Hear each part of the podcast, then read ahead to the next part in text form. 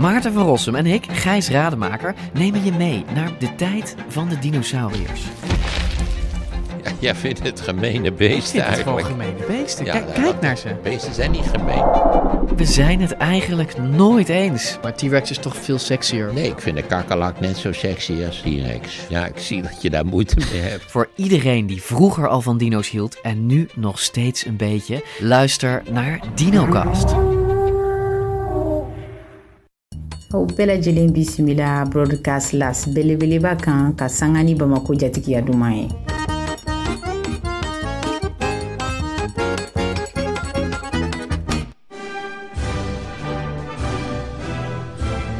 Eind 19e eeuw vonden Europese landen dat zij in Afrika te verdelen hadden en dat leverde een eeuw later een landkaart van staatkundige improvisaties op.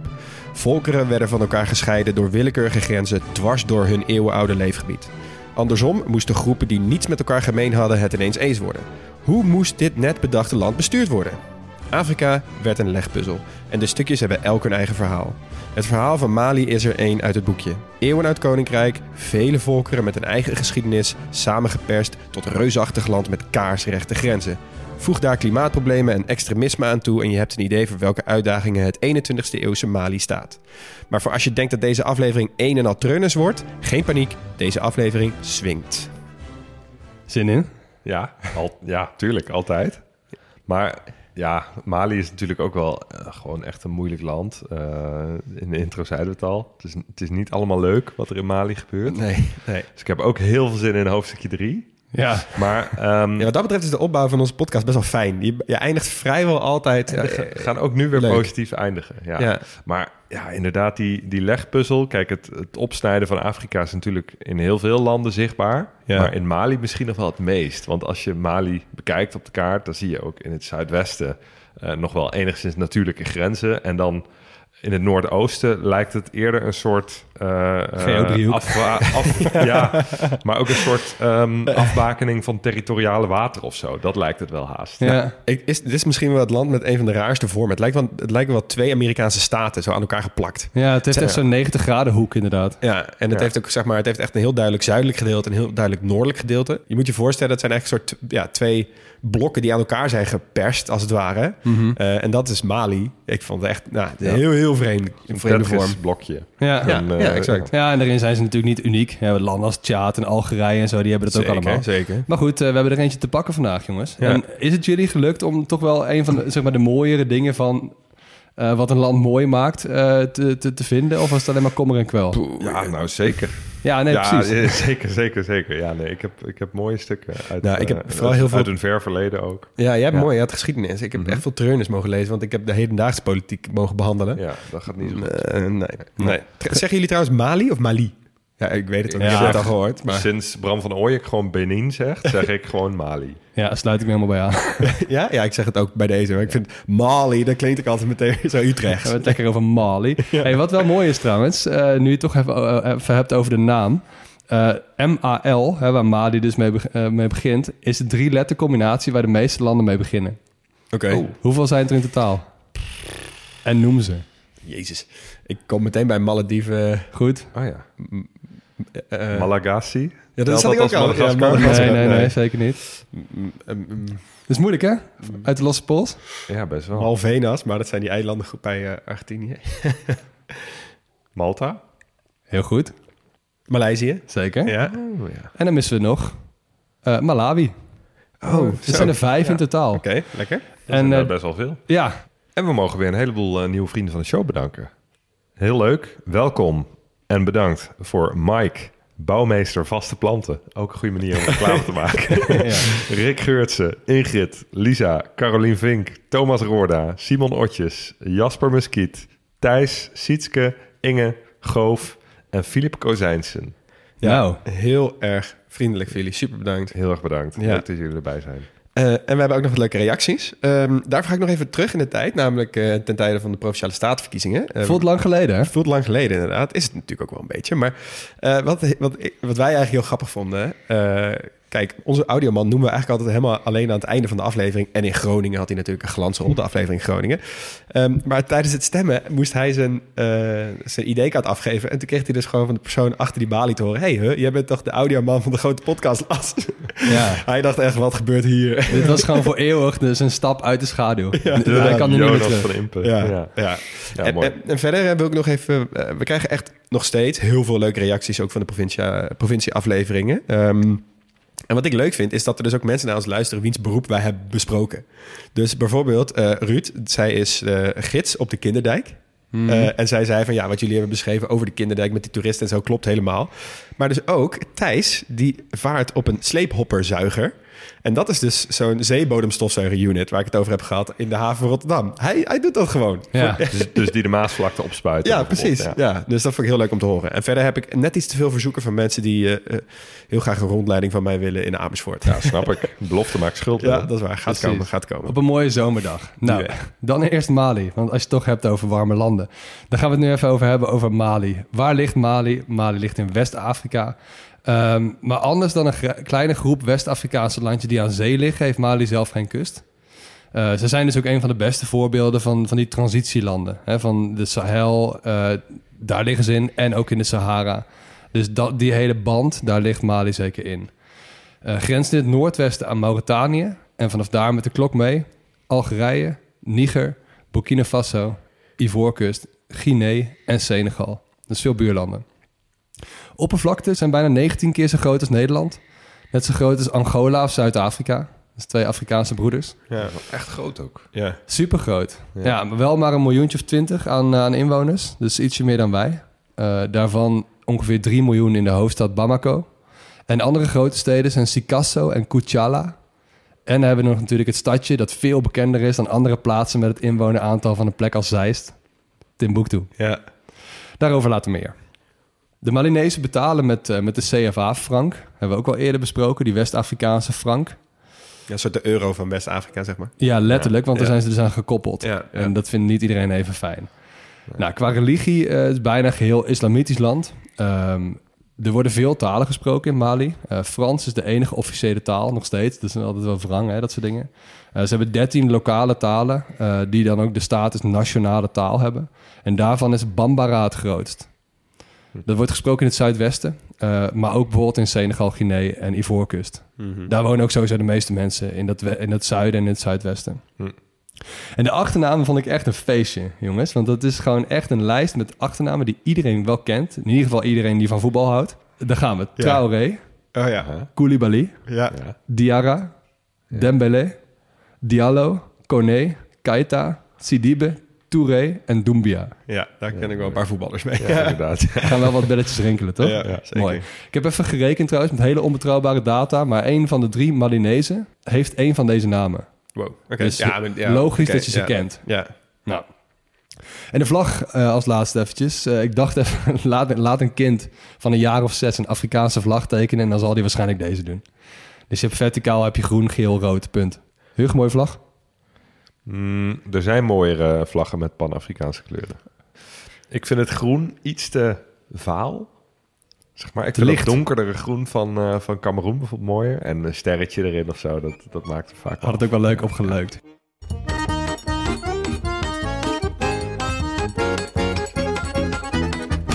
Nou, om te kijken wie er wonen in het land Mali, heb je eigenlijk je hebt twee Mali's. Ja? In de vorm van het land eh, zie je dus zo'n reusachtige knik van 90 graden. En Ja. grofweg ten noorden van die knik, daar woont bijna niemand. En bijna alle bevolking woont dus ten zuiden en zuidoosten van die knik. Ja, je kan het ook zien als je op Google Maps gaat, bijvoorbeeld. Dat je gewoon, je ziet gewoon die Sahara Ja, in de kaart terug. Dus Ja. je ziet gewoon een heel groot gedeelte van het land is zand. En eh, ja, de onderste, nou, wat, wat zei je, een vijfde of zo van het landoppervlak is dan groen. En daar woont echt gros van de Daar mensen. wonen de meeste mensen. Ja. Ja. in ieder geval het gebied rondom het stroomgebied van de rivier de Niger. Dat, dat is het meest vruchtbare deel, wonen ook de meeste mensen. Ja. Nou, hoe meer naar het noorden je gaat, ga je dus meer richting de Sahara, wat je net zei. En hoe groter ook het belang van water wordt. En daarom dus ook niet verwonderlijk dat een van de noordelijkste steden bij die rivier de Niger een hele belangrijke handelsstad zou worden. Het werd een stad die eh, de handel over die rivier verbond met de kamelenkaravanen eh, van de Trans-Sahara-handel richting de Maghreb. Hè, dus richt- richting Marokko, Algerije, die hoek. En we kennen die stad natuurlijk als Timbuktu. Ja. Ja. Een bruisende stad, al heel lang. Um, een bloeitijd vanaf de 16e eeuw. Stond echt bekend als een, uh, als een stad met onderwijsinstellingen. Drie grote moskeeën die we samen losjes zijn gaan definiëren als de Universiteit van Timbuktu. Uh, een islamitische, uh, dat wel. Dus het was niet voor iedereen even mogelijk uh, om daar te komen. Sterker nog, um, het is natuurlijk super ver weg. En dat in combinatie daarvan zorgde dat er eigenlijk bijna geen westerlingen kwamen. Ja, ja, ja. De eerste westeling die er kwam was een schot. En die werd in 1826 ook meteen vermoord op de terugweg. Ah. Dus het was logisch dat die plek ook bekend ging staan als een plek die synoniem zou staan voor heel ver weg. Nou, dat is dus ook echt gebeurd. Ja, ik ben de enige. Waar, waar hebben jullie voor het eerst van Timbuktu gehoord? Ja, in de Donald Duck Ja, zeker. Oh, ik niet in de Donald Duck, maar wel heel vroeg. Dat was wel echt zo'n mythische stad. Ja, Ja, maar ik- het werkt ook heel le- lekker hè, Timbuktu. Het was toch altijd Timbuktu, die, of eh, Donald Duck die vluchtig hadden of Verwegistan of Timbuktu. Ja. Eén van de twee. Precies, en Verwegistan bestaat natuurlijk niet. voor de oplettende luisteraar, Timbuktu dus wel. Ja. Ja, nou, het geldt in ieder geval ook een beetje als de zuidelijkste stad met duidelijke invloeden vanuit de Tuaregs. Moet het toch wel even over hebben. Echt een mythische, eh, mythische bevolkingsgroep. Toch een beetje de Koerden van de Sahara, als ik het toch zo mag zeggen. Eh, ze zijn een Berbervolk, maar vormen nergens een meerderheid en wonen dus verspreid over de landen Mali, eh, Algerije, Niger en, Li- en Libië. En we kunnen ze het eigenlijk het beste duiden aan de hand van een paar termen. Die komen later deze aflevering nog wel van pas in de muziek. Dus ik ga er even een paar af. Eh, termen uit de cultuur van de, eh, van, van de Tuaregs. Ten eerste de tagalmust.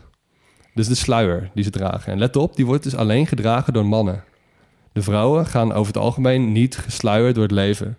Eh, ze dragen wel haarbedekkende kleding, maar het is geen gezichtssluier, zeg maar. Eh, die vrouwen die hebben daar sowieso echt een hele hoge status. De familielijn gaat over de moederskant. En zij zijn ook vaak degene die kunnen lezen en schrijven. De mannen zijn op pad met, met het vee. Ja. Eh, die mannen die gaan dus wel gesluierd met die takelmus dus. Die kan gedragen worden als een tulband, maar bedekt ook vaak de onderkant van het gezicht. Ja. Dus beschermd tegen zon, tegen wind en tegen zand. Ja. En veruit de populairste kleur is de mooiste kleur indigo die je ooit gezien hebt. Echt, google dit. En ik zet ook wel even een foto op de socials. Ehm, het is heel donkerblauw. eh, ja, een donkerblauwe kleur eigenlijk. Het is echt bloedje mooi. Eh, het geeft ook af op je huid. En daarom worden die Tuaregs dus ook wel blauwe mensen genoemd. Oké. Vind ik wel mooi. Ja, mooi. Nou, dan het, het Tamashek, dat is hun taal. Eh, ze noemen zichzelf dus ook het Kel Tamashek, dus mensen van het Tamashek. Eh, de Kel Tagalmust is dus ook eh, hun vertaling voor gesluierde mensen. Dan leren we toch een beetje over de taal. Ja. Eh Tenere is ook echt een woord dat ze heel veel gebruiken. En dat, gaat, dat is hun woord voor woestijn. Nou, Ja. psychologisch. Ik hoe... zeggen, hoeveel woorden voor de woestijn hebben zijn? Net als dat wij duizend woorden hebben voor regen. Ja, en dat de Inuit eh, 60 miljoen woorden voor sneeuw Ja, hebben. en ja. Zo, ja. Ehm, en dan hebben we natuurlijk eh Amazigh of Imazigen. Eh dus eigenlijk de overkoepelende naam voor alle Berbervolken. Ah, oké. Daar ja. zijn zij dus een onderdeel van. Ah, oh, dat wist ik niet. En dan sluit ik nog even af met Azawad. En dat is het stuk dus ten noorden van die knik in Mali. Ehm, hun provincie en dus ook een zelf uitgeroepen staat. Zullen we het misschien later ook nog wel over hebben. Daar ga ik het zeker over hebben. Mooi. Nou, dan nog even de laatste groep, die Bambara. Eh, Dat is toch ook de grootste groep. Hè? Daar, daar moet je het toch wel even over hebben. Eh, zij staan heel erg bekend om hun maskers. Die weer verbonden zijn aan een soort levensfase waar je in zit. Dus kom je nou in een nieuwe leeftijdsgroep, eh, dan hoort daar een heel pittig ritueel bij om daarin te komen. Eh, en dan word je dus ook weer gezegend met een nieuw masker. Oh ja, dus op die manier doorloop je dus de verschillende fases van het leven. Dat was van die shit waar ze dan vroeger van die National Geographic aflevering over maakten. Dat ze dan, zeg maar, heel westers gingen ze dan naar een of andere stam op zoek naar... oh, wat is, wat is hier de, de manier hoe je het volwassenheid ingaat, weet je wel? En dan gingen ze Ja. dan mid- midden in de jungle... en dan moest een of ander jongetje van 15 dan zijn hand in een of andere handschroef... om met bijen doen en zo, weet je Dat soort, dat soort lijpe dingen. Dan, eh, dit Ja, dit no valt er ook... joke. Nee, nee, Nee, precies. Dit soort nee. dingen valt er ook altijd In onder. Lesotho hebben we daar ook al eh, Ja. Mooie verhalen over Ja. gehoord. Ja. Oké, ik mag jullie meenemen door de staatkundige geschiedenis van Mali. En eh, het heeft even geduurd voordat Mali die gekke grenzen kreeg zoals het dat nu heeft. Dus aan mij is gewoon een taak om jullie mee te nemen langs alle voorlopers van het land Mali. Ehm, en daarvoor beginnen we vandaag rond het jaar 800. Eh, niet omdat er daarvoor niks was, maar eh, gewoon omdat rond het jaar 800 een van de belangrijke koninkrijken in West-Afrika opkwam, namelijk het koninkrijk Ghana. En dat heeft helemaal niks te maken met het land dat we nu kennen als Ghana. Want het koninkrijk Ghana lag alleen in delen van het huidige Mali en Mauritanië. Ze moeten er echt mee ophouden. Want dat is hetzelfde Ja. met het Koninkrijk Benin. Dat Ja, volledig dat lag in in Nigeria ligt. Ja, dag. Ja, precies. Nou, dat is hier dus ook. Maar goed, dat koninkrijk Ghana, dat was dus landlocked. ehm, handelde daarom over land met bijvoorbeeld landen aan de andere kant van de Sahara rond de Middellandse Zee. Op die Trans-Sahara-handelsroute, waar jij het al even over had, Max, ehm, kom ik straks in het economiehoofdstukje nog even terug. En via die handelsroutes arriveerde trouwens ook de islam in het gebied. Dus dat is wel ja, even belangrijk. ja. Dat is in, in die periode, zo hè, tussen 800 en 1200, is dat zo'n beetje gebeurd. En veel mensen eh, die bekeerden zich tot de islam. Er ontstonden islamitische koninkrijken die zich niet meer wilden onderwerpen aan het koninkrijk Ghana. Ehm, en toen volgde er eigenlijk een hele onrustige periode met veel strijd over en weer tussen al die koninkrijken.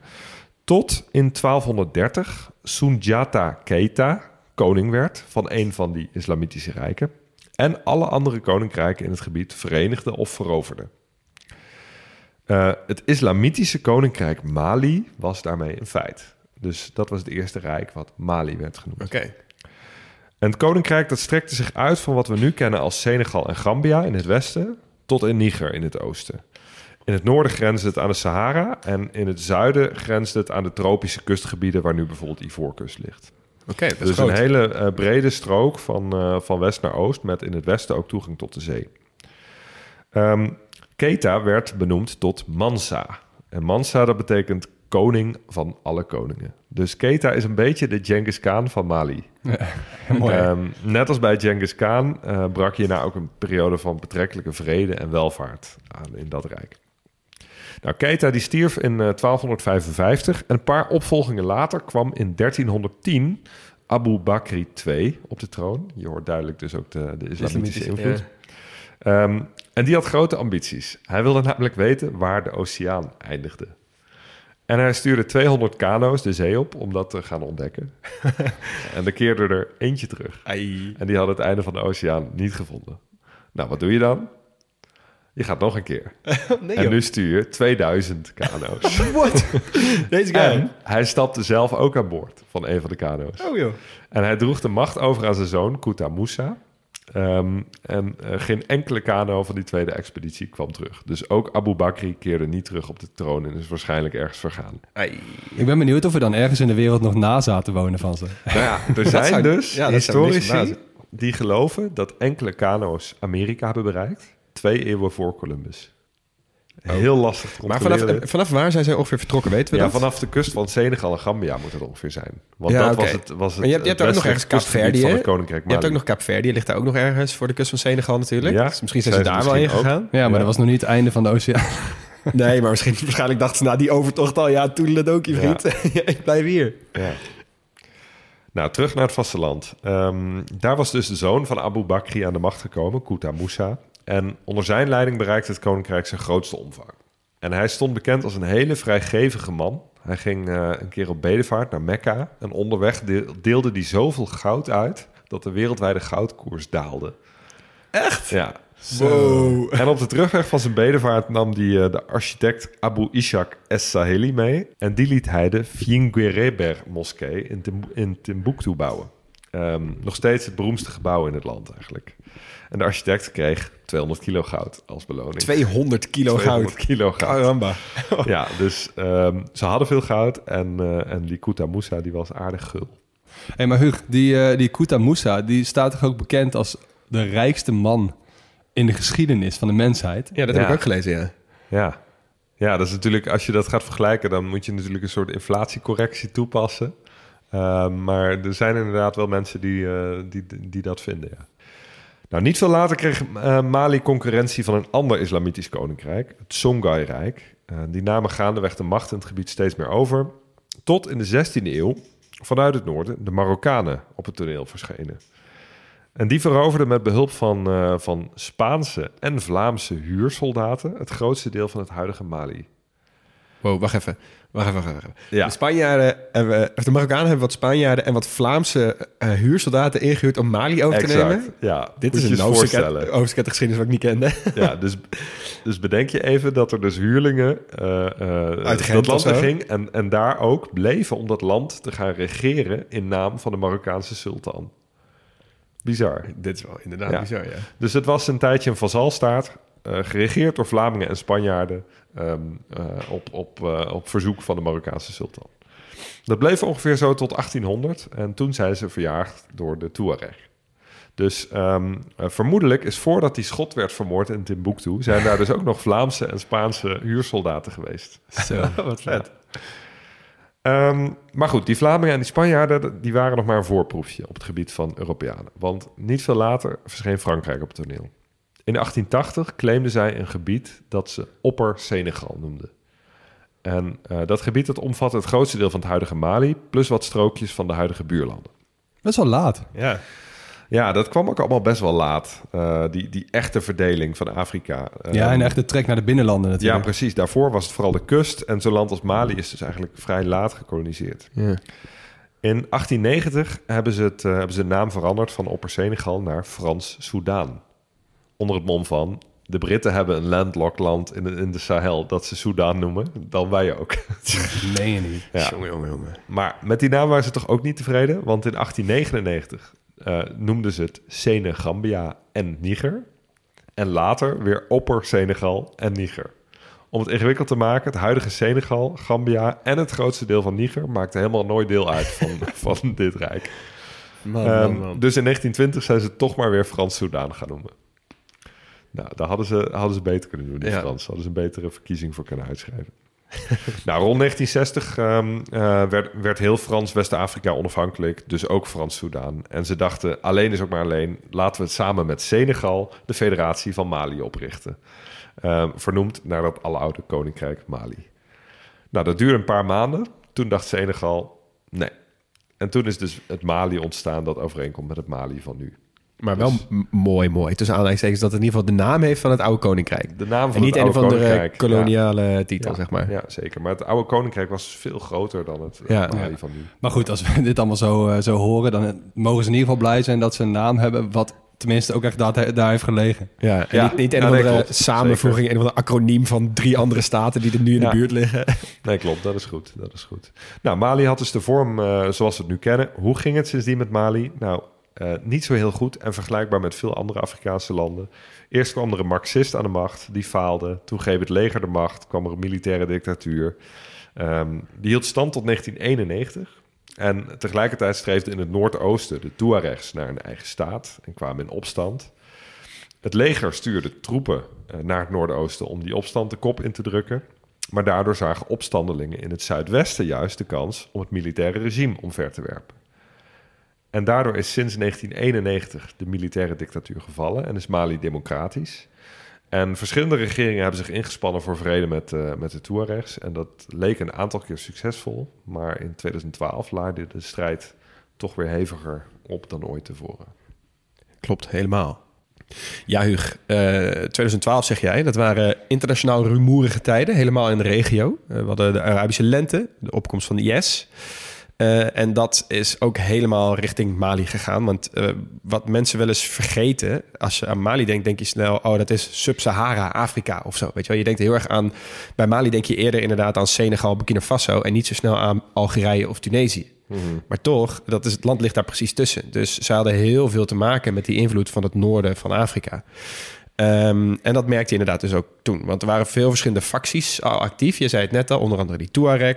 Eh, en die hadden zich verenigd in een onafhankelijkheidsbeweging al een tijdje. De MNLA, de Mouvement National de Libération de l'Azawad. Komt die weer, die Azawad. Ja, dat is die regio dus. Dat is die regio. Eh, en in 2011 eh, was eigenlijk die hele regio overgenomen door verschillende gewapende en ook wel terroristische milities. En toen heeft die MNLA de onafhankelijkheid uitgeroepen over die regio. Terwijl ze zelf niet overal zeg maar, evenveel eh, macht hadden. Eh, want in de praktijk waren het ISGS, dat is dus de Islamitische Staat in de grotere Sahara. En AQMI, ACMI, oftewel Al-Qaeda in de Islamitische Maghreb, die hadden die hele tent daar overgenomen.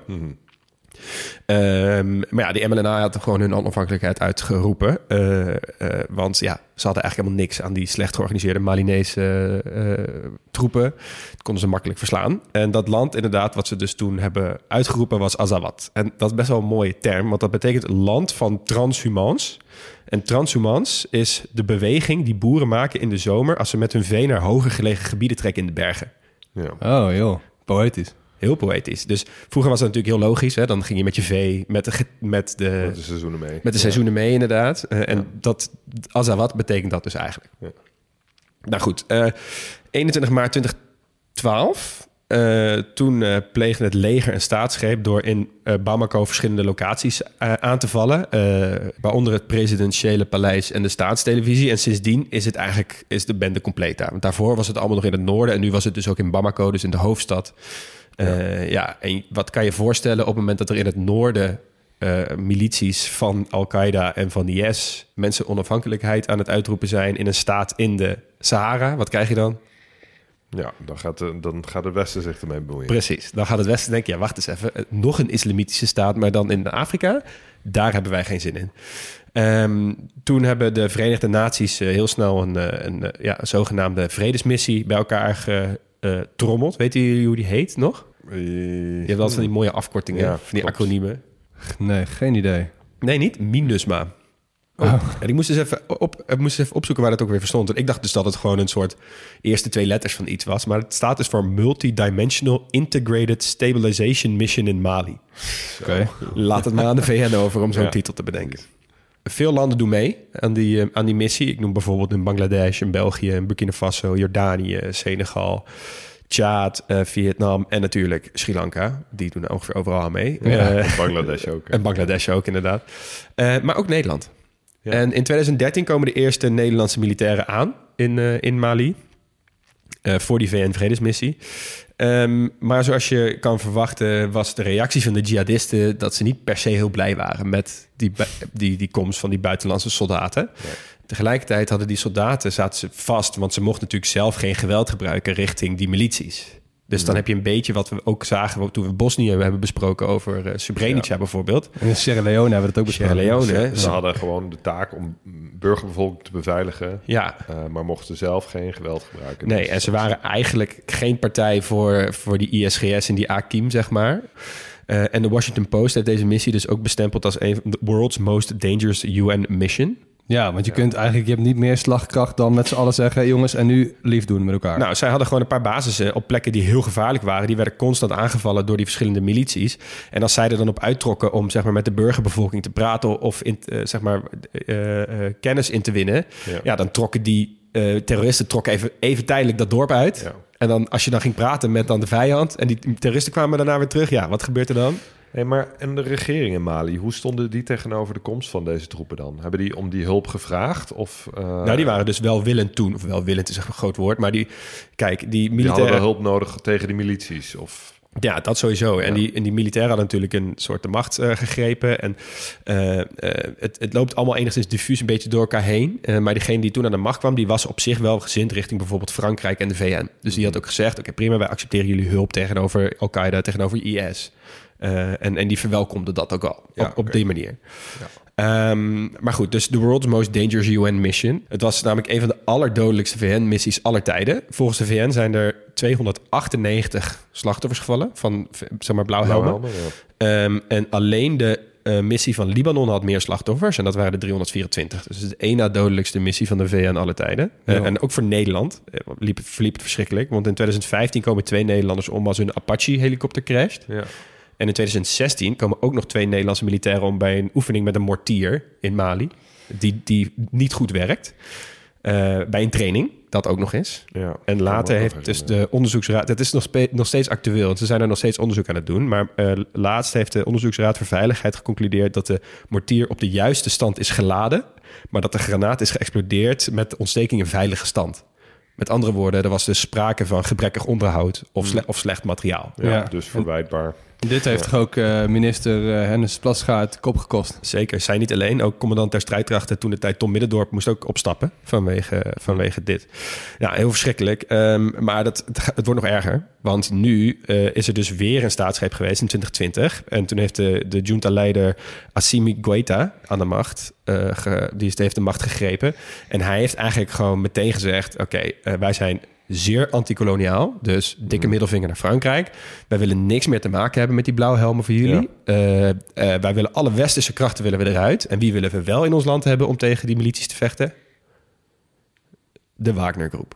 Oh nee. Oh, ja. De Wagner-groep kennen we natuurlijk nu allemaal als eh, die huurlingen, die Russische eh, Ja. De Russische huurlingenleger van die, van die Prigozhin die eh, al die lui uit de gevangenis haalt. Die Ja. zitten wel in meer Afrikaanse landen. Hè? Dat is, dat is, Ja, dat is echt onthutsend. En Ja. die hebben een iets ruimer mandaat dan de blauwe helmen. Nou, het aantal doden sinds, sinds zij zijn gekomen is echt significant gestegen. Ook het aantal burgerdoden. Ik heb allemaal kaartjes, zeg maar. Als je ziet ook eh, hoeveel meer violence against civilians. eh, volgens eh, de eh, Economist heb ik een kaartje van. Die zegt ook van ja, het is echt helemaal uit de klauwen gelopen. Eh, en het werkt ook niet zo goed, want eh, die, die, die legerpresident, zeg maar, die heeft bijvoorbeeld over, blauw, eh, over die blauwhelmen gezegd eh, dat ze huurlingen met een duister doel zijn. En in 2022 heeft hij zelfs een aantal blauwhelmen uit Ivoorkust vastgezet. En er mogen dus ook helemaal geen nieuwe VN-soldaten zijn land meer in. En ook de Fransen, die zijn in augustus 2022 vertrokken. En er, er vallen dus nog steeds, zijn dus nog steeds de hele tijd aanslagen op de, op de vredessoldaten die er nu nog zijn. Ja, dus dit is even concluderend heel veel uitzoomend. Want er was dus eerst was er een democratisch, of democratisch, alles een beetje tussen aanhalingstekens, maar in ieder geval democratisch verkozen leiding die misschien niet de beste manier van regeren had. Maar ze hadden wel de banden met Frankrijk en de Verenigde Naties en het Westen enigszins eh, aangehaald van, yo, wij, moet, wij hebben hulp nodig in dit gevecht Ja. tegen die terroristen in onze regio. Maar ja, sinds die dus die, die militaire eh junta de macht heeft gegrepen in 2022 of in 2020 eigenlijk, is er een soort landelijk beleid van anticolonialisme. En daar zijn best wel veel Malinezen staan daar ook achter. Die, hebben ook, die zijn klaar met de Franse inmenging. Die zijn klaar met de westerse inmenging. En die hebben nu Ja. zoiets van, yo, eh, eh, ja, fuck het kolonialisme. Maar ja, de andere kant Ja. van dat verhaal is dus Ja. dat de Wagner-groep... Het is wel een vacuüm dat je creëert waar die, eh, die Wagner, die zijn misschien nog wel erger. Weet je, dat is echt... eh, Nou, misschien. Misschien, dat weet ik wel misschien, zeker. ja, nou ja, ja, ja, zeker niet misschien. Ja, je gaat je afvragen bijvoorbeeld ook, dat had ik, ik kon dat nergens verder terugvinden, want dat speelt allemaal nu. In hoeverre bijvoorbeeld, ja, je gaat hele duistere gedachten indenken, maar dat bijvoorbeeld zo'n zo'n Prigozhin, zeg maar die baas van Wagner, dat hij dus lui eerst naar Mali stuurt om een beetje te oefenen, tussen aanhalingstekens, om ze vervolgens weer naar Oekraïne te trekken, om daar mensen te leiden bijvoorbeeld. Ja. Ze krijgen echt vrij spel daar hoor. Het is Ja, wel, eh, geloof ik, ik, vrees echt grote vrezen voor wat daar eh, staat te gebeuren nu. Ja.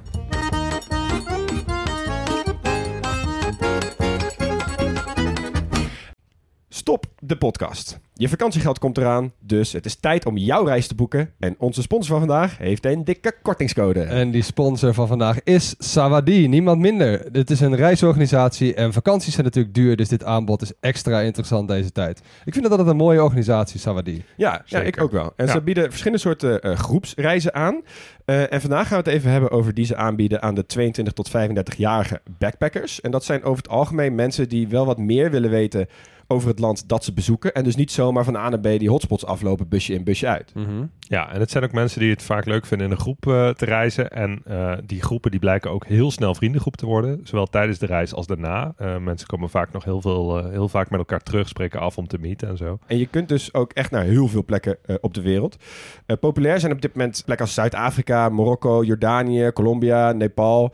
Eh, maar bijvoorbeeld ook plekken die normaal gesproken niet altijd makkelijk te bereizen zijn voor, ik zeg maar wat, alleen reizende vrouwen. En dat zijn dan bijvoorbeeld plekken als India. Ja, en ze werken natuurlijk samen met lokale organisaties, niet met de grotere hotelketens. Eh, ze eten bij locals, eh, lopen rond met mensen die heel veel kennis hebben over de lokale gang van zaken. En daar komt de kortingscode om de hoek kijken. Want als je nu een 22 tot 35ers reis boekt, krijg je 100 euro korting met de code TGP100.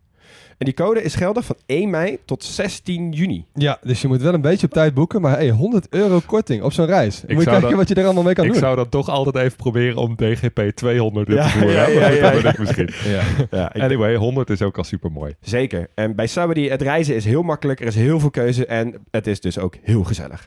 Sawadee, met wie ga jij op reis? Terug naar de podcast.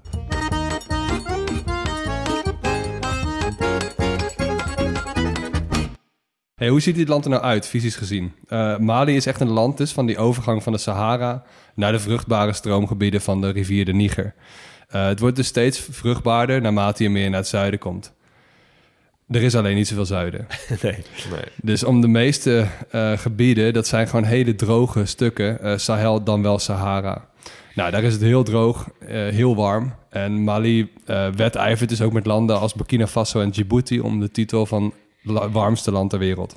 Oh, oké. Nou, dat wil je liever niet. Nee. Ehm, en dat terwijl ze eigenlijk echt een heel erg een, een landbouwsamenleving hebben. Maar ja, het probleem is dus dat bijna alle problemen die landbouw kan hebben in dit soort gebieden, die vind je wel in Mali.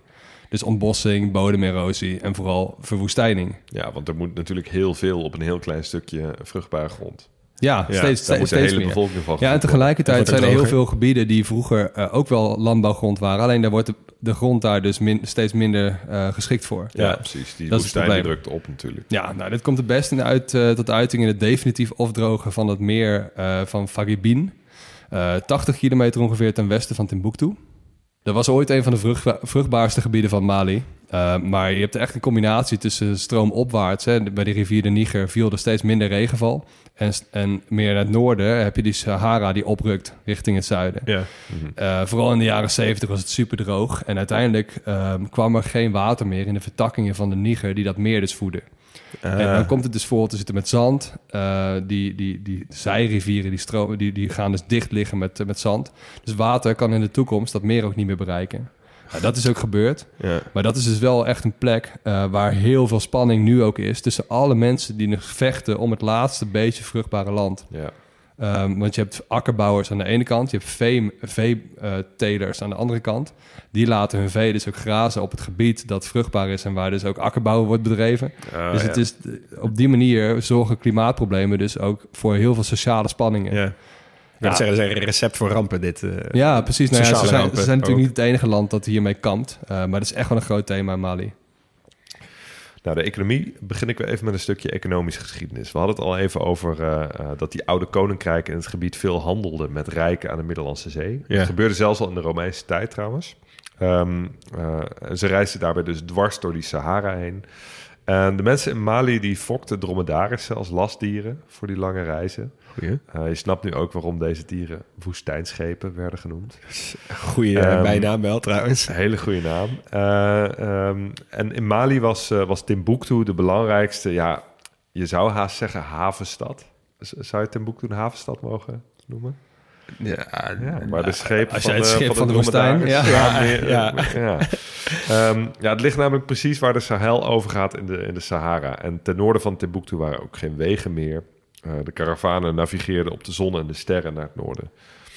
Eh, Max, je hebt het al gehad over, over hoe belangrijk het centrum eh, Timbuktu was. economisch, maar ook cultureel. Je kunt het rustig vergelijken met bijvoorbeeld Samarkand aan de oude zijderoute. Mhm. Oh ja, oké. Het is echt ja. een, een stad met zo'n zo'n aanzien. Mali is momenteel een van de armste landen van de wereld. 80% van de bevolking werkt in de landbouw. Dat is echt heel veel dus. 80 Ja. Zo. Eh, en dat in, denk dat de BBB in daar ook wel heel groot zou zijn. ja, dat denk ik Mochten ook. ze vrije verkiezingen krijgen. Ehm, die landbouw dat kan dus alleen maar in het vrucht, vruchtbare zuidwesten, eh, rond de bovenloop van de Niger. Ehm, eh, en, da- en daarom woont dus ook vrijwel iedereen daar. Katoen is het belangrijkste exportproduct in de landbouwsector. Katoen is ook nog eens een plant die heel veel water Ik wou net zeggen, dat is niet handig. Nee. Ehm, maar goed, daar in, eh, in die bovenloop van de Niger, daar is dus gewoon wel nog veel water Ja. op, op bepaalde plekken. Maar verreweg het belangrijkste exportproduct van Mali komt niet uit de landbouw. En dan heb ik het over Goud. goud. goud. Ja. Ja. Goud is goed voor hoeveel procent van de opbrengsten uit de export? Uh-oh. Nou, laten we zeggen eh, 70 procent. Ja, ik ga wel even iets met. Ik denk 40% 94 procent. What? Ja, Oh, joh. als je zeg maar het exportpaspoortje van Mali ziet, dan zie je echt alleen maar goud en een paar hele kleine blokjes. eh nee, van. joh. Ehm, dit verklaart ook waarom Zwitserland en de Verenigde Arabische Emiraten de belangrijkste exportbestemmingen zijn voor Mali. Ah, Negen- ja. 90% van al hun export gaat daar naartoe. Dus Oh. bijna al het goud. Ze hebben ook nog eens een heel saai exportpaspoortje qua landen. Ja, Maar- ook nog. Ja. Ja. Ehm, goud wordt trouwens ook gewonnen in het zuidwesten, waar de bergen liggen. Eh, sinds de jaren 90 is de goudindustrie enorm gegroeid, omdat de overheid soepeler is geworden tegenover buitenlandse exploitanten.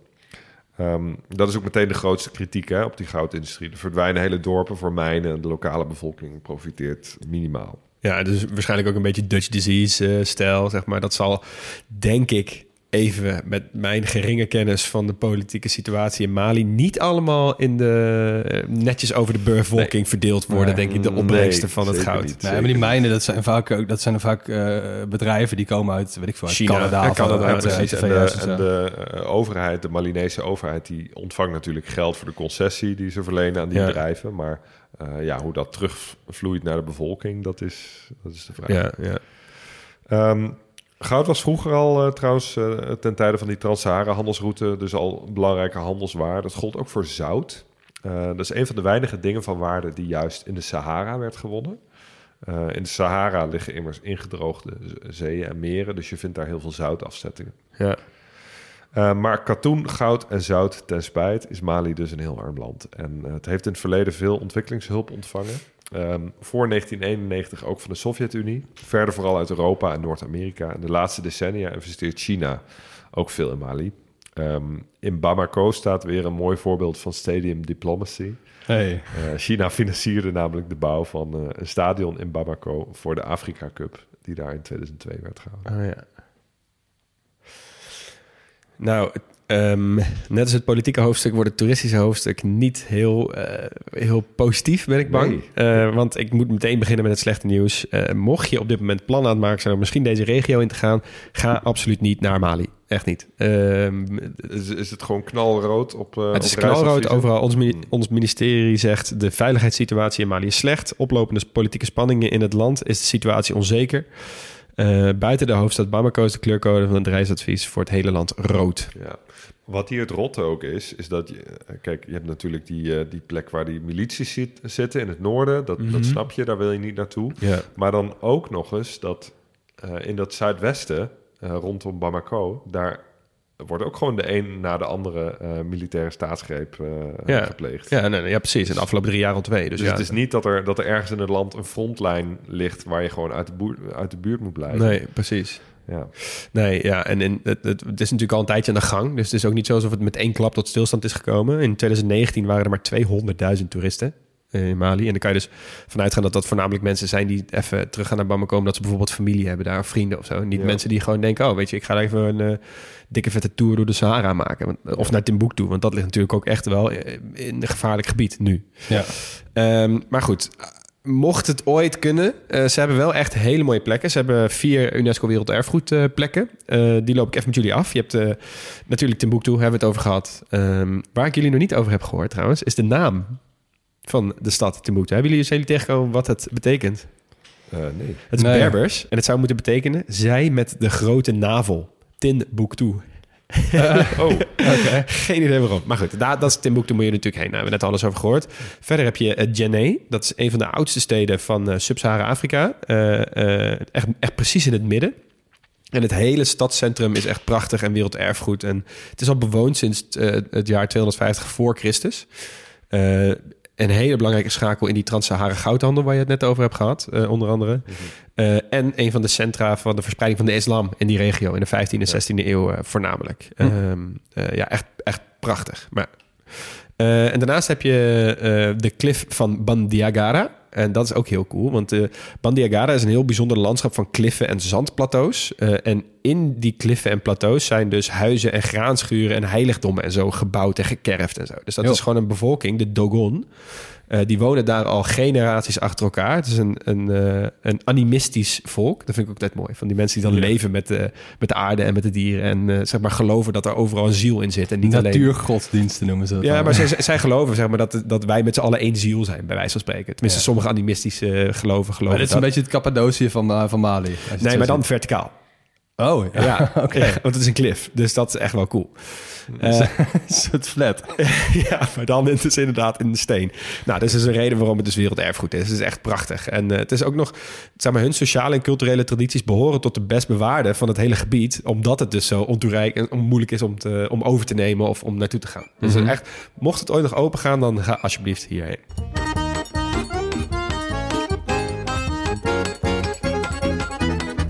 Okay, dat was een heel, misschien wel het kortste hoofdstukje 2 tot nu toe. Ik denk, um, ja. En daar ben ik heel blij mee. Extra veel ruimte voor kunst en muziek. Ja, want ik heb echt vet veel muziek voor jullie. Ah, want, leuk. Yes.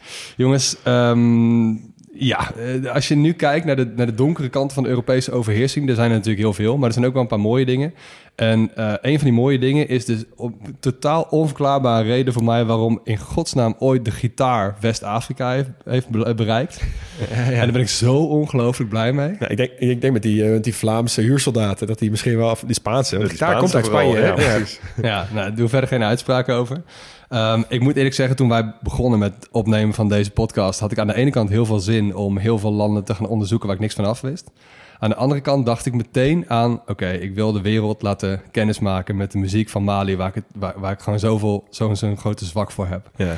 Uh, dit is echt een van mijn meest geluisterde genres überhaupt van de afgelopen vijf, zes jaar. Dus ik hoop dat ik jullie iets warmer kan gaan maken voor de muziek van, uh, van Mali. Ik, ik Um, in. het is denk ik echt zo'n een van de meest zalige fusions die de, die de wereld ooit, uh, ooit voortgebracht heeft. De muziek van, uh, van Mali.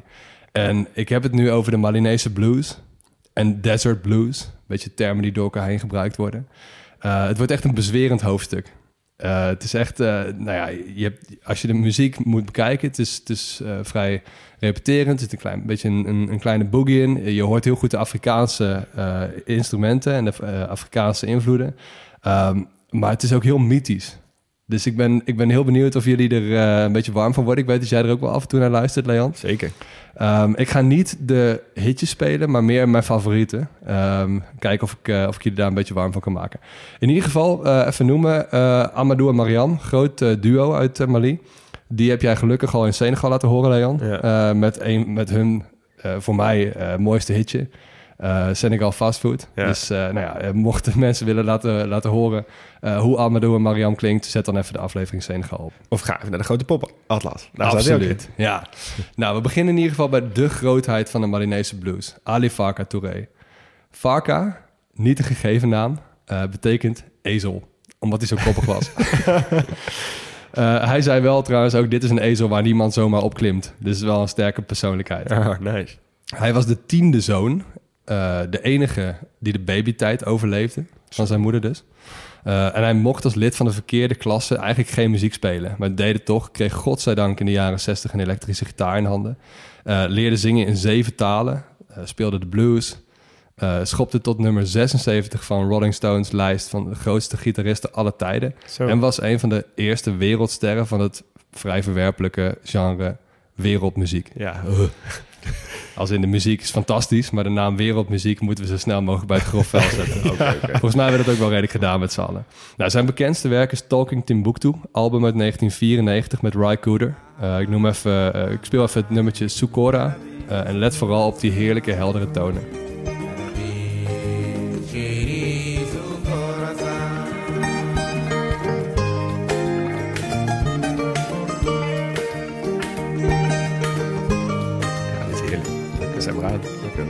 Ja. Ja, hè? Ja. ja, zijn muziek kabbelt sowieso wel redelijk voort ja. altijd. Mm-hmm. En dus redelijk, redelijk easy listening.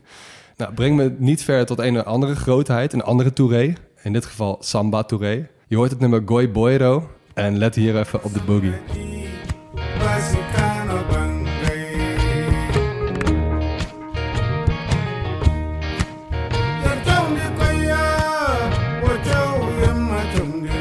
Heerlijk. Je kan je toch de hele dag naar luisteren. ja, eerlijk. Ja, begin een beetje door te krijgen waar ik heen wil. Ja. Mooi. Dan eventjes uh, de grande dame van, uh, van, van Malinese muziek. Uh, Oumou Sangaré. Ook groot voorvechter van vrouwenrechten in Afrika. We horen het nummer Wasulu Don van haar album Timbuktu. Hebben we hem weer uit 2022.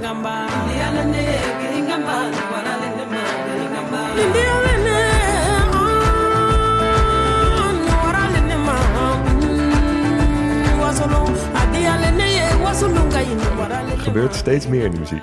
Er zit een mooie opbouw in. Mooi. Er steeds weer bij. Ja. ja.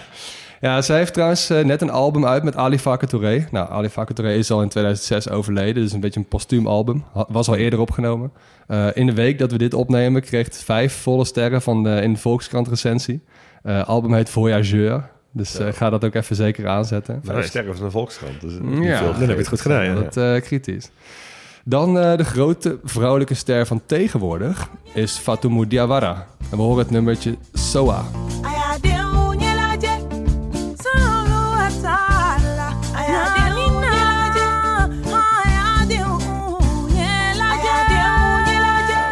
Ja, ik, maar ster van tegenwoordig zeg je, maar ik, ik vind het ook wel weer ehm, tijdloos klinken, zeg maar. Zeker, ik ja. kan me Ja. voorstellen dat het over 40 jaar nog steeds goed wordt beluisterd. Ja, en zij is niet 16 of zo. Zij is ook Nee. al 40 of zo. Dus ehm, ja, nee, zeker. Ik, maar ik ken deze dus, ik ken deze best goed ook. Maar je hebt dus, eh, soms heb je van Spotify, die is dus tegenwoordig steeds beter bezig om eh, hun eigen lijsten te maken met artiesten die up-and-coming zijn of uit een specifieke regio. Hmm. Eh, en als je van deze muziek houdt, eh zij hebben een eigen lijst gemaakt. Dat heet Café Afrika, best makkelijk te onthouden.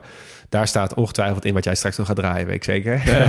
Eh, maar daar staan dus ook bijvoorbeeld zo'n eh zo'n Shai Glow staat daarin. En allemaal dingen uit Senegal die we hebben genoemd en zo. Dus Ja. als je dit nou echt chille muziek vindt, het, serieus, zondagmiddag zet het aan Café Afrika en je bent blij. En, en begin West-Afrika nog meer te waarderen op muziekgebied. Ja. Nou, dan komen we nu bij de Touaregs. En dit is echt waar, waar mijn liefde sterk wordt. Ja, ik Eh, kan me echt nog wel goed herinneren dat, ik, dat het echt mijn ingang was tot de Afrikaanse muziek. Dus blues aan de ene kant, Touaregs aan de andere kant.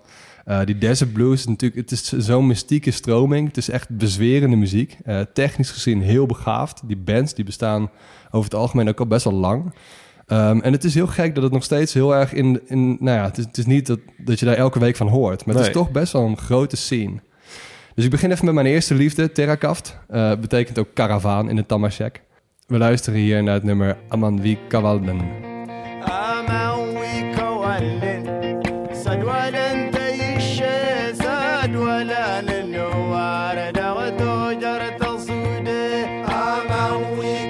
hier zitten wel getalenteerde muzikanten aan de, aan de knoppen. Ja. ja.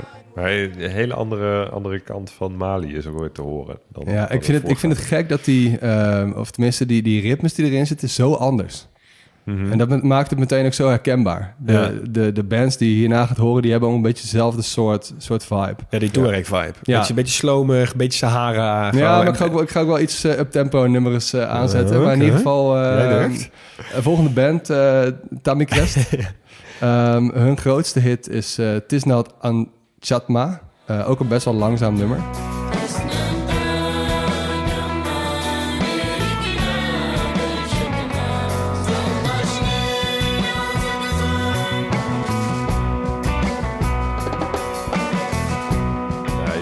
Hoort hier ook heel sterk, veel sterker parallellen met Arabische muziek. Ja, Wat Ja. logisch is. ja. Ja.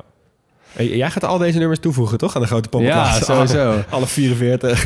Ja, je wilde een ietsje upbeat eh, nummertje, eh, Leon. Dan komt hij, Immanuel Betzihun. Eh dit is een nummer waar je ook best wel goed kan horen... waar zij hun inspiratie vandaan halen. Eh, wie eh, verstand heeft van de muziek van Dire Straits... hoort ook meteen de parallellen.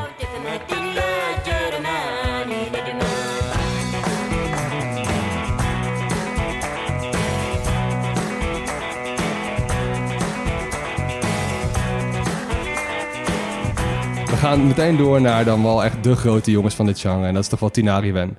Eh, band opgericht in 1982 in een militair trainingskamp in Libië. Dat betekent toch woestijnen in het, in het, eh in het Tamashek? Ja, volgens mij. Ja, ik heb ook wel eens zo, zoiets, Zoiets, gelezen, zoiets. volgens mij. Ja, Ja. dat klopt. Ja, wel een goede, toepasselijke naam in ieder geval. Ja, je moet het ergens uh, ik ga hier even iets die- dieper op die riffjes zitten. We horen het nummer Sta- Sastanakam van hun album uit 2017.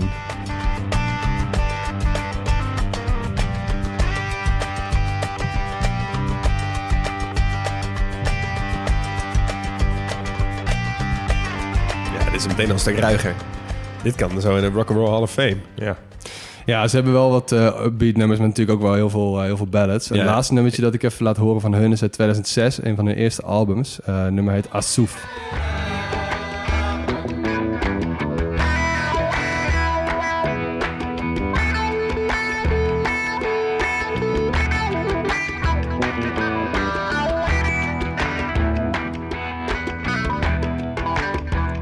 Ik vind, ik vind al deze muziek echt fantastisch om naar te luisteren. Ik vraag me af als er mensen zijn die er niet zo diep in zitten als jij en ik, Max. Of, of die zeg maar echt de subtiele verschillen kunnen horen tussen zeg maar inderdaad de, de, de gitaar, zandriffjes en de boogie. Ja, dat, dat geldt wel een beetje voor mij eigenlijk. Ja, maar, ja. sorry. Maar ik ben ook gewoon eh, niet zo'n hele geoefende muziekluisteraar. Dus ehm, ja, eh, ik ben de eerste om toe te geven dat ik een beetje barbaars ben op dit. Ja, en je, raakt, en je, en je hebt zeg maar, je raakt naar Maxi ook natuurlijk in de kern. Want heel vaak als ik bij hem thuis kom of ik kom langs, dan staat Ja. dit gewoon gewoon aan, zeg maar. Ja, als hij muziek, eh, Ja, geven, tuurlijk. als hij Ja. muziek loopt, Maar was ik, zo blij Ik hiermee. vind het mooi hoor. Ik kan er heel erg van genieten. Maar ik ook. Ik, kan, ik kan inderdaad niet echt het, het fijne verschil tussen, tussen de dingen die ik net heb gehoord. Nee, eh, dat, dat, dat, vragen we ook niet van je. In ieder geval, eh, als, ik, als, ik, als ik tien mensen enthousiast heb gekregen over deze muziekstijl, dan ben ik al hartstikke blij. dat is vastgelukt. Ja, Sluit ik ik, even af met ten zuiden van de Sahara natuurlijk een absolute Anaskunner, Salif Keita. Rechtstreekse afstammeling trouwens ook van de stichter van het Koninkrijk Mali. Hij leidt aan albinisme, eh, dus wel een imposante verschijning. Eh, dit nummer is uit 2020 samen met Haska. We horen het nummer Madame.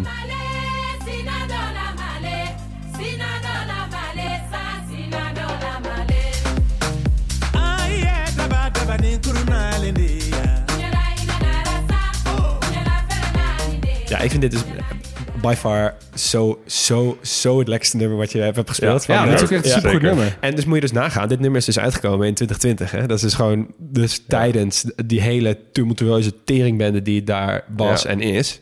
Ja. Ja, eh, Ja, laten we hopen toch dat... wel echt een grote glimlach op je Ja, gezicht. laten we hopen dat eh, al deze muzikanten nog gewoon lekker doorgaan met de muziek blijven maken binnen en buiten Mali. Maar in ieder geval de naam van het land eh, ten goede over de wereld verspreiden. Zeker. Zeker. Hey, de keuken. De keuken van Mali. Die, ehm, ja, die toont veel gelijkenissen met de rest van West-Afrika. Dus weer veel foefoe. Ehm, voor mensen die het nog niet kennen. Het is een soort witte brei op basis van cassave, bakbananen of jam. Een soort wortelknol. Ehm, en dat is, eh, dient als basis voor heel veel gerechten. Niet zo heel spannend. Verder vinden ze in Mali dat ze ook hele goede jollof-rijst maken. Waar Maar, niet? ehm, waar niet. In West-Afrika, ja. In Mali durven ze in ieder geval niet te zeggen dat ze de beste maken. Dus jollof-rijst gaan we het nog een keer eh, in andere landen over hebben. Ehm, wat we ook op meer plekken in West-Afrika hebben gezien... is dat ze heel veel gebruik maken van pindasauzen. Eh, dus de pindastoofpot is ook niet uniek... maar is wel van oorsprong Malinees. Dus we mogen het eh, met recht in Mali eh, hebben over de pindastoofpot... en daar wat langer bij stilstaan. Sowieso goed om eens een ode aan de pinda te brengen. Want voor mij persoonlijk is pinda toch wel een staple food. Pindakaas. Ja, ja, inderdaad. Borrelnootjes, M&M's, Snickers. Eh zijn jullie pinda-fan? Absoluut. Ik eet ook graag pindakaas. ja, zeker. Pinda is toch een fantastische Ja. eh, eh, vrucht. Ehm, pinda's groeien in Mali volop. Ehm hij komt trouwens oorspronkelijk alleen voor in Zuid-Amerika. Spanjaarden hebben de soort in de 16e eeuw over de wereld verspreid. Wisten jullie dat een pinda trouwens geen noot is? Ja, zeker. Ja, Het is een pulvrucht. Ja. Ja.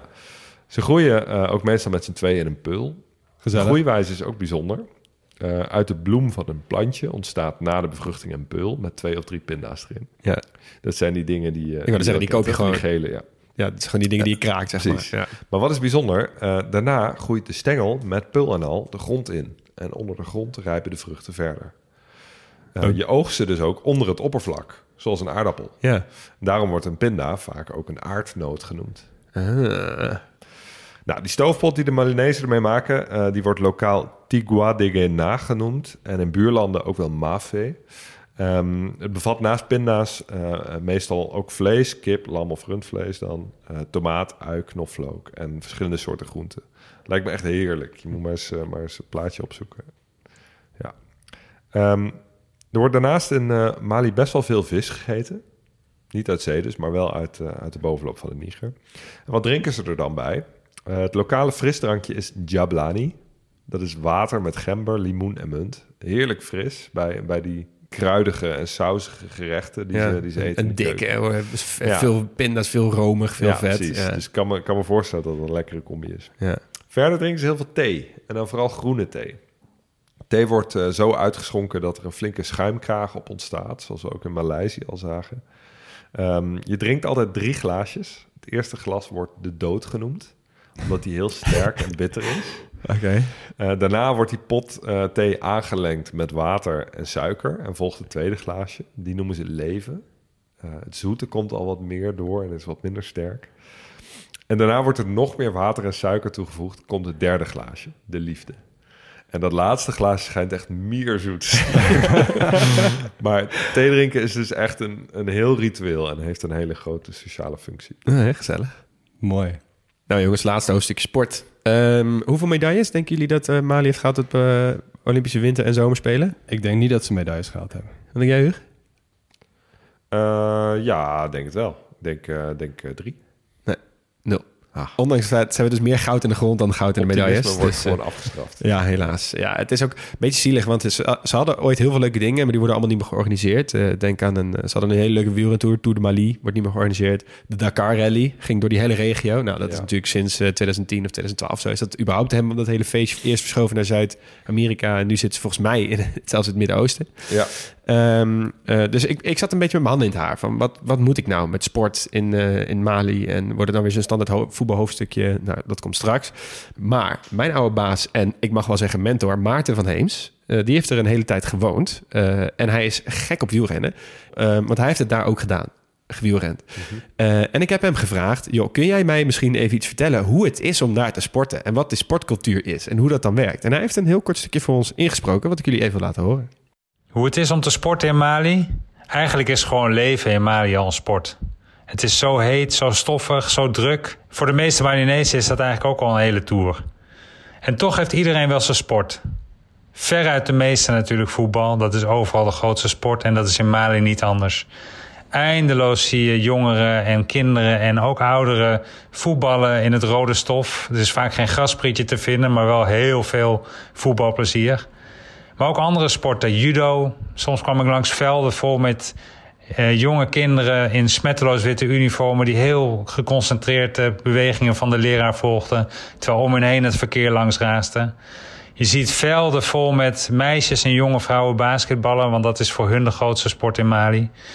En ik zelf heb er heel veel gefietst en eh, met het Malinese wielerpeloton opgetrokken. En dat is eigenlijk de beste vergelijking die ik daarover ooit gehoord heb... is dat fietsen in de Sahel is alsof je glasplinters ademt. Zo verschroeiend heet is het, zeker als je klimt. En toch, elke keer dat we dat trotseerden was het de moeite. Omdat het te gek is om met elkaar te sporten, ook in zo'n gruwelijk heet land. Dus, beste luisteraar, als je het ooit zelf haalt tot Mali... zorg dat je een sportpakje in je bagage hebt. Oh, wat mooi. ja, wielrennen in Mali. Ik kan me voorstellen dat het bitter is. Het zou een mooi boek opleveren, denk ik. Me- Meen je dit? Dit is een hele mooi bruggetje.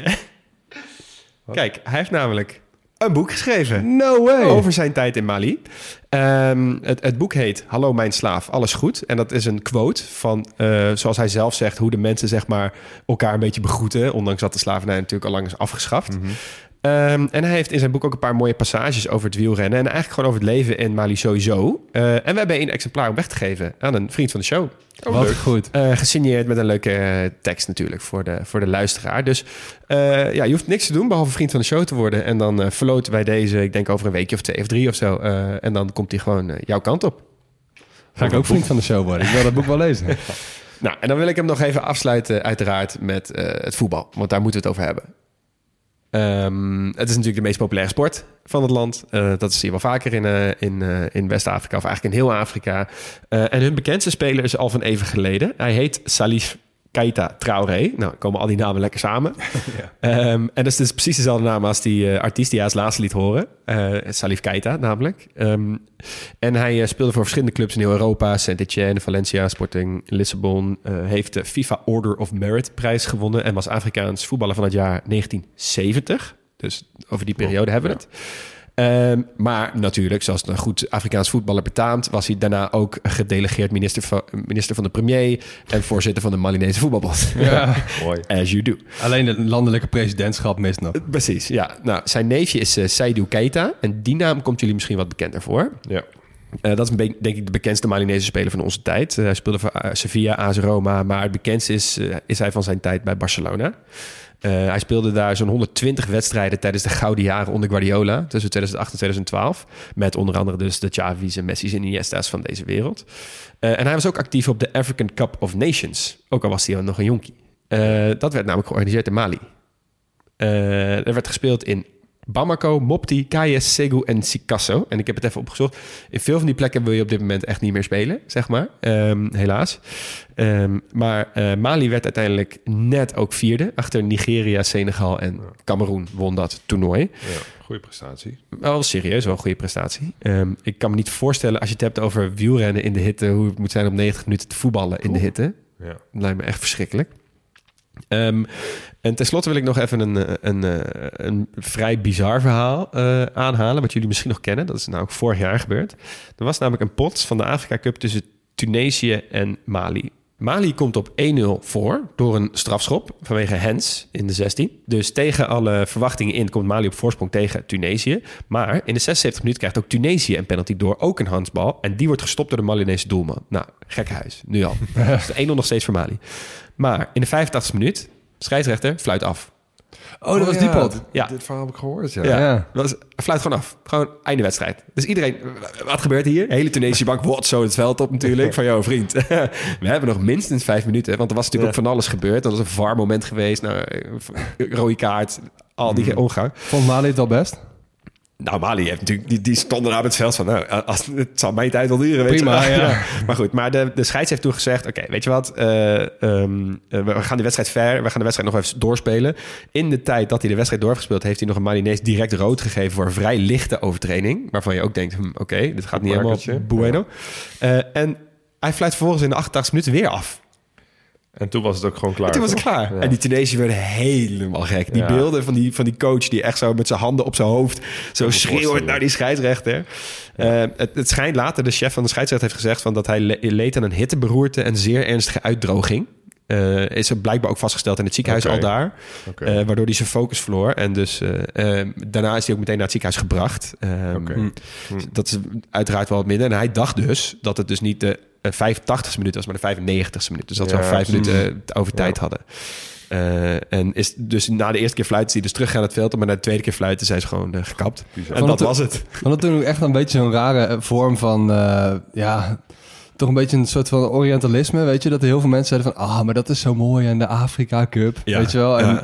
kijk, je wil niet zo bekend staan als toernooi, want het heeft zoveel moois. Ehm, maar er waren wel heel veel mensen die precies op die manier met die vinger naar dat toernooi gingen wijzen. Ik, zag, ik was in Afrika toen we dit toernooi aan het kijken waren. En ik moet wel zeggen dat ik wel echt dacht... holy shit, dit is wel heel, heel typisch, zeg maar. Ja, maar goed, ja.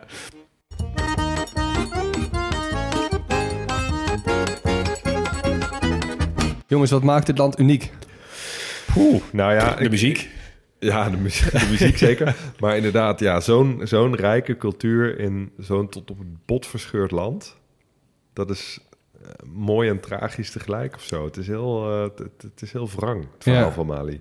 Ja, ik zou bijna de vraag willen omdraaien. Ehm, wat maakt het niet uniek? En dat is helaas best wel veel. Ja. Dus eh, alle problemen waar zij nu mee kampen... zijn gewoon rechtstreekse erfenissen van hele moeilijke tijden... Ja. eh, die ze niet allemaal zelf even goed hebben mogen, mogen bepalen. Ja. Dus wat in Mali gebeurt, gebeurt ook in Niger.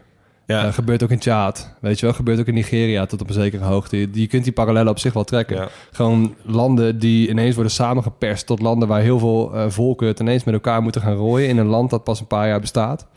Eh, en dat die landen daarom en te groot worden, dus heel veel volken in één.